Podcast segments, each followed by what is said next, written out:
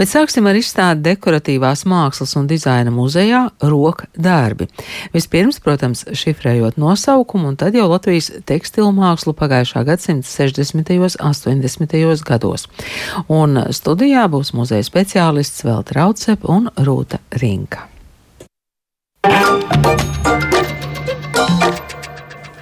Jā, labdien!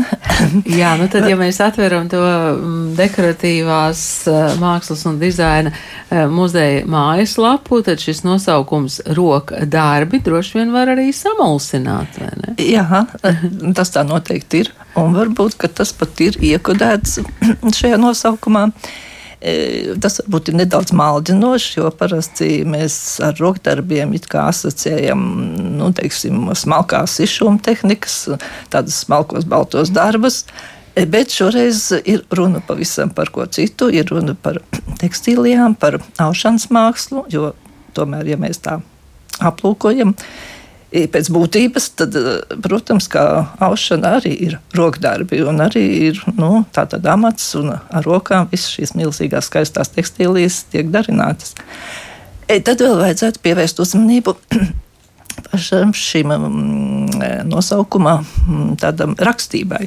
Jo pa vidu ir eh, svītriņa, kas atdala pirmo silbi no pārējās vārda daļas, rokdarbi kas savukārt vedina domāt un aicina domāt apmeklētājus par to, kas tad glabājas mūsu tekstilu mākslas krātuvēs. Un arī paši mēs nu, nolēmām, ka vajadzētu pavērtīt šo mūsu tik milzīgo krājumu. Jo, jo mūsu kolekcijā ir darbi gan no 40 gadiem, mazāk varbūt no 50 gadiem, un tad jau 60, 80 gadi mums ir pārstāvēti ļoti bagātīgi. Un ļoti daudz darbi, kas redzam šajā izstādē, nav bijuši apskatāmi patiesībā pat vairāk kā 30 gadus. Un, protams, ka lielai daļai skatītāju tie nav zināmi un nav atpazīstami. Tas nozīmē, ka to mm, salikteņa pirmo daļu mēs varam attiecināt arī uz rakšanu. Vai, uz rakšanu, uz tieši rakšanu, tā. Ja? Tad jūs, esat, jūs esat rakuši muzeja krātuvēs. Mm, ko tas nozīmē, ka nu, darbi 30 gadus nav redzēti? Tātad speciālisti jūs paši esat redzējuši, protams, bet skatītājiem varētu būt arī jaunatklājumi. Jā, noteikti būs jaunatklājumi. Jo nu, jāatcerās arī, ka mūsu izstāžu zāle, īpaši pastāvīga ekspozīcija, nepieļauj lielu izmēru mm, tekstīlu gabalēnu eksponēšanu. E, jo mums ir zeme griezti, par cik mēs esam vēsturiskajā celtnē. E, nu, un lūk, šajā izstādē ir redzami arī krietna daļa tādi milzīgi lieli krāšņi tekstilu darbi. Nu, es domāju, ka mums šajā brīdī ir um, jāsāk runāt par autoriem, jo tātad 60. un 80. gadi. E, kāpēc jūs tādu rāmi ielikāt 60. un 80. kas tur īpaši notiek šajā laikā?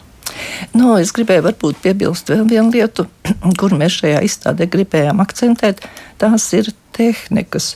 Un varbūt šo tādu lielāko akcentu likt uz vienu no tehnikām, kādas tiek lietotas gobelēnu un, un tekstīlu darba radīšanā ir uh, garbākša tehnika, kurai ir sava vēsture. Jau patiesībā jau meklējama 19. E, gadsimta, 20. gadsimta sākumā profesionālā mākslā. Un, protams, ka šī garbākša tehnika bija arī ļoti iecienīta 50. gados, 60. gadu pašā sākumā, kad virkne mākslinieku, tā skaitā arī Rudolfs Heimrāds, jau radīja šo moderno, laikmatīgo tekstīliju, bet izmantoja arī šo seno tehniku, garbākšu tehniku. Bet, protams, ka izstādē nav aizmirstas arī vēl citas e, tehnikas aušanas. Un viena no tām ir pavisam pamattehnika, varētu teikt, audekla, auduma aušanā e, vienkārtnes kas arī tiek lietots nu, tekstīlī izgatavošanā. Un reizēm par to nevar tā uzreiz pateikt, ka tā ir šī vienkāršā tehnika, bet jā, tas tā ir. Tas nozīmē, ka faktiski iet uz izstādi, tas nozīmē arī mazliet skoloties, skoloties arī tajās tekstilu tehnikās, kas tika izmantotas, un droši vien, ka tās izmanto arī tagad, vai ne?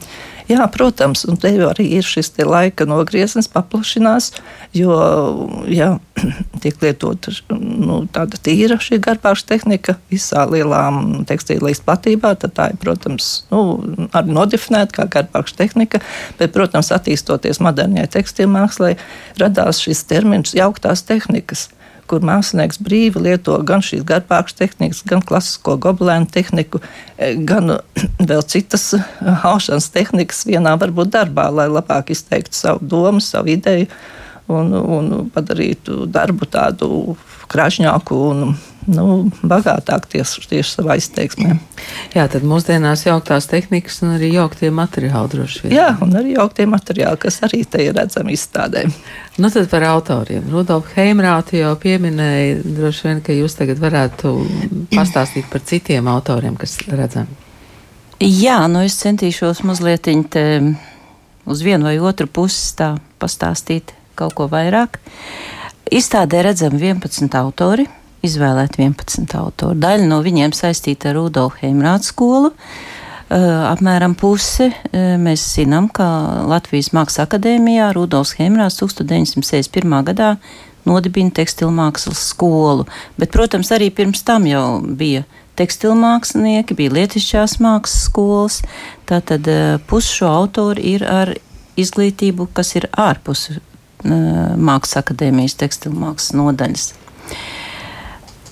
Nu, šeit ir autori, protams, pirmkārt, Heimrāts jāizceļ, Rudolfs Heimrāts.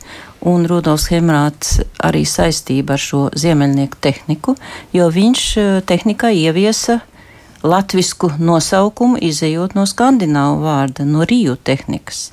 Jo ir saglabājušies eh, Rudolfa Heimrāta pieraksti, kur viņš arī savās lekcijās akadēmijā studentiem šo tehniku nosauc par rīju tehniku. Un iedvesmu viņš guva no Skandināvijas, no, eh, no Somijas, jo Somijā jau šī tehnika vēsturiski tika lietota. Um, 1900, 1879. gadā Helsinkos nodibinās Somijas draugu biedrība, kas sāk izcelt šo ziemeļnieku, jeb brīvu tehniku, kā mākslas tehniku, kā laikmetīgā paklāja mākslas tehniku. Un 1900. gadā jau Zviedru arhitekts, dzīvojošs Somijā, Akseli Galēns Kallela piedalās Parīzes izstādē ar uh, darbu liesma. Un no šī laika tehnika iegūst plašu popularitāti pasaulē. Un arī, protams, šīs atskaņas nāk arī uz, uz Latviju. Nu, pats Rudolfs Heimrāts nu, par cik es ar viņu tomēr diezgan daudz sadarbojos. Jā. Vairāk šo ziemeļnieku tehniku izmantoja kā tādu atslodzi, varētu teikt, savā darbībā, jo par augstāko sasniegumu viņš tomēr uzskatīja gobelēnu tehniku, un uz to arī tika viņa izglītība studentiem dota, jo teiksim, beidzot akadēmiju, bija jābeidza figurāla kompozīcija gobelēna tehnikā. Bet bija jāiziet cauri visas šīs tehnikas, un arī viņam pašam ir fantastiski darbi, kas izstādē redzami. Tas ir uh, zemgale, vasara un Jāņkalna tauriņi. Ja? Un ko tad viņš cēlās, uh, nu, ko viņš cē, nu, centās uzsvērt vai mācīt studentiem, ir tieši tas pats, ko arī akcentēja uh, Ziemeļvalstis, no kā atšķiras tautas mākslas ziemeļnieks no profesionālās mākslas ziemeļnieka, atšķiras ar brīvu kompozīciju un ar krāsu, un arī to mēs redzam šajos eh, darbos. Nu. Mūsdienās eh, studenti arī apgūst visu šīs tehnikas. Jā, studenti arī apgūst, jo pirmajā kursā tiek austi nelieli um, paraudziņi no dažādām tehnikām, lai katrs students tad var attiecīgi izvēlēties sev tuvo tehniku. Bet, nu, kā mēs zinām, tas nav tik vienkārši.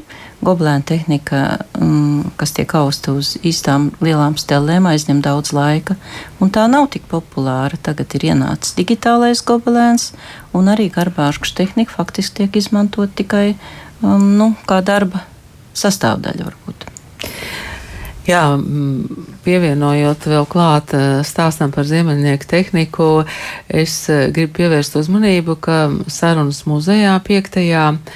novembrī ir ziemeļnieku tehnika Rudolf Heimrāta darbos. Un uz šo sarunu aicinās viņa dēls, interjeru dizainers Mārtiņš Heimrāts. Bet mēs šeit runājam par visu, kas šobrīd ir izrakts vai izcelts gaismā un skatāms dekoratīvās mākslas un dizaina muzeja izstādē roka darbi. Vai citi meistari, kur darbi ir skatāmi, citi mākslinieki, tie ir Rudolfa Heimrāta jau skolnieki vai laika biedri? Nu, nu, gan, gan, gan, gan, gan, gan, gan. E, jo te es gribētu minēt uh, Georgu Barkānu, kas uh, nu, noteikti tekstīla mākslas vēsturē ir stādāms līdz, līdzās uh, Rūzāpa Hebrāta no sniegumam, daļrads sniegumam, un viņš, protams, ir Rudolfa Hebrāta laika biedrs. Un viņa šī Mm, šis ceļš līdz tekstīlijai arī ir ļoti interesants, jo viņš pēc savas pamatizglītības ir arhitekts. Līdztekus viņš ir arī mācījies glezniecību mm, Latvijas Mākslas akadēmijā, un pēc tam viņi satiekas ar Rudolfu Hemrātu Lietušās mākslas vidusskolā, kur Rudolfs Hemrāts pasniedz aušanu, bet uh, savukārt Hemrāts kom, uh, Varkāns kompozīciju. Un grūti teikt, kurā brīdī, varbūt kā Velta labāk zina, kurā brīdī ir radusies šī lielā interese par um, tekstīliju, kuru tad e, e, Georgs Parkāts ir apguvis. Lai tad um, vēlāk pilnībā gan arī pievērstos e, šai mākslas nozarei. Kurā brīdī jūs vēl zināt? Kāpēc? Es zinu, ka brīdī, kad viņš strādāja Lietišķās mākslas skolā par pasniedzēju, par kompozīcijas pasniedzēju, un tā kā tur, protams, pasniedzēji komunicēja viens ar otru, un darbnīcas e, bija, un iespējams bija to visu apgūt, tad arī tā viņa interese radās. Un, un pirmie mēģinājumi viņam bija patikas tehnikā, protams, ja? un tikai pēc tam jau viņš sāka aust. Tātad, nu jau mēs esam trīs meistarus nosaukuši. Jā. Droši vien, ka ir vēl, jūs teicāt, Nē, 11. Jā, 11. Jā, jā. 11. tātad Rudolfs Heimrāts un uh, Georgs Barkāns. Vēl? Nu, es pie viņu skolniekiem dažiem pievērsīšos. Tātad Edīta Vīgneri tur ir pārstāvēta, bet ar tādu um, viņas sā, daļradas sākuma darbu, kas ir zelta kāzas, un tur šī tehnika ir um, garbākša tehnika ir, ir, ir tikai kā dekoratīvs elements. Ja?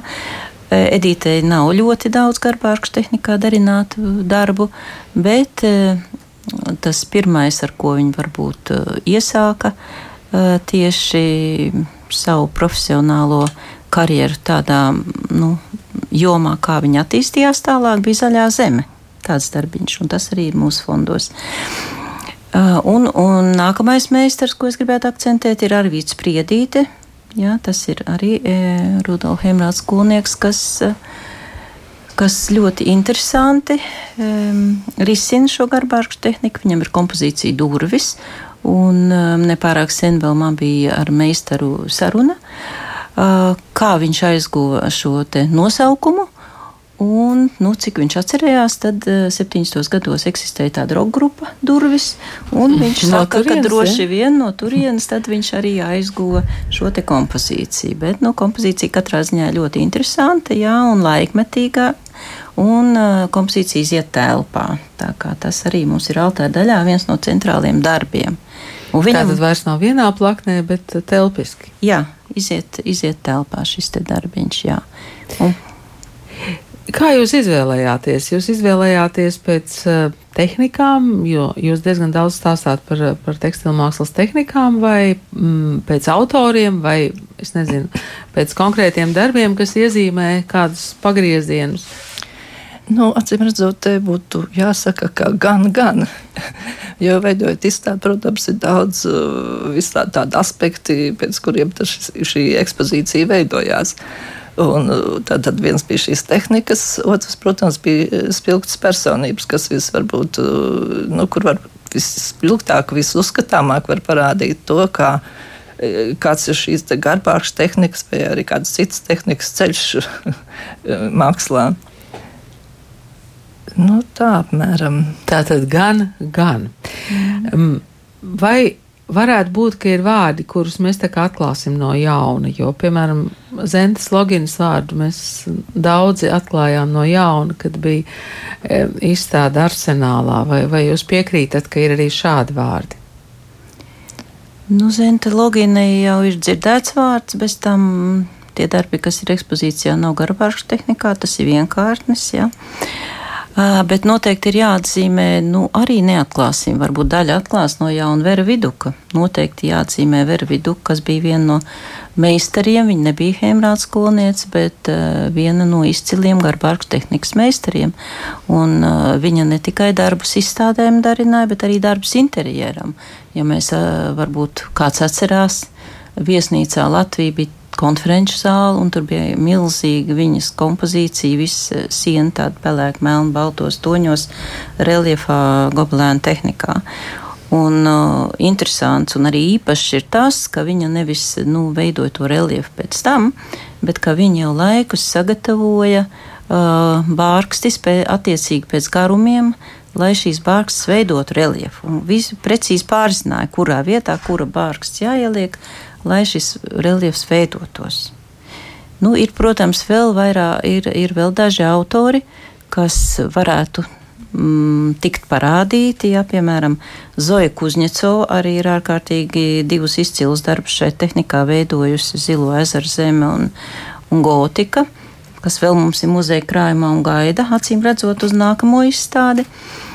E, nu, un varbūt Rūta tagad atkal turpinās. Par Klēbahu? Jā, par, Jā. par Klēbahu izstāstiet. Jā, Klēbahu. Nu, Klebehas ceļš mākslā jau sākās tātad starpkara periodā, kad viņam pabeidza aušanas kursus Latvijas sieviešu Nacionālajā līgā un atvēra 1928. gadā savus kursus un darbnīcu. Un interesanti tas, ka viņa bija viena no pirmajām tā laika audējām māksliniecēm, kas e, vēlējās iet tādu strikti modernu ceļu tekstilu mākslā. Un ir saglabājies tāds neliels bukletiņš, viņas pašas izdots ar fotografijām, kur mēs redzam, ka tur ir austi gan garbašu tehnikā darbi, bez varbūt tāda akcentu uz tautiskumu, kas tolaik bija diezgan aktuāls mm, lietas šajā mākslā, bet viņa ir veidus audus modernas tekstīlijas, modernas paklājas un sienas segas, kas sakļautos ar tā laika eh, šo ardeko un modernismu mēbeļu tādām formām un mm, uzbūvi. Nu, Audus arī ir sižetiskas kompozīcijas ar, par, tā, par tādu skandināvu tēmu. Acīm redzot, viņi ir, ir pārzinājusi tā laika skandināvu tekstilu mākslu. Bet nu, tā ir pagātne.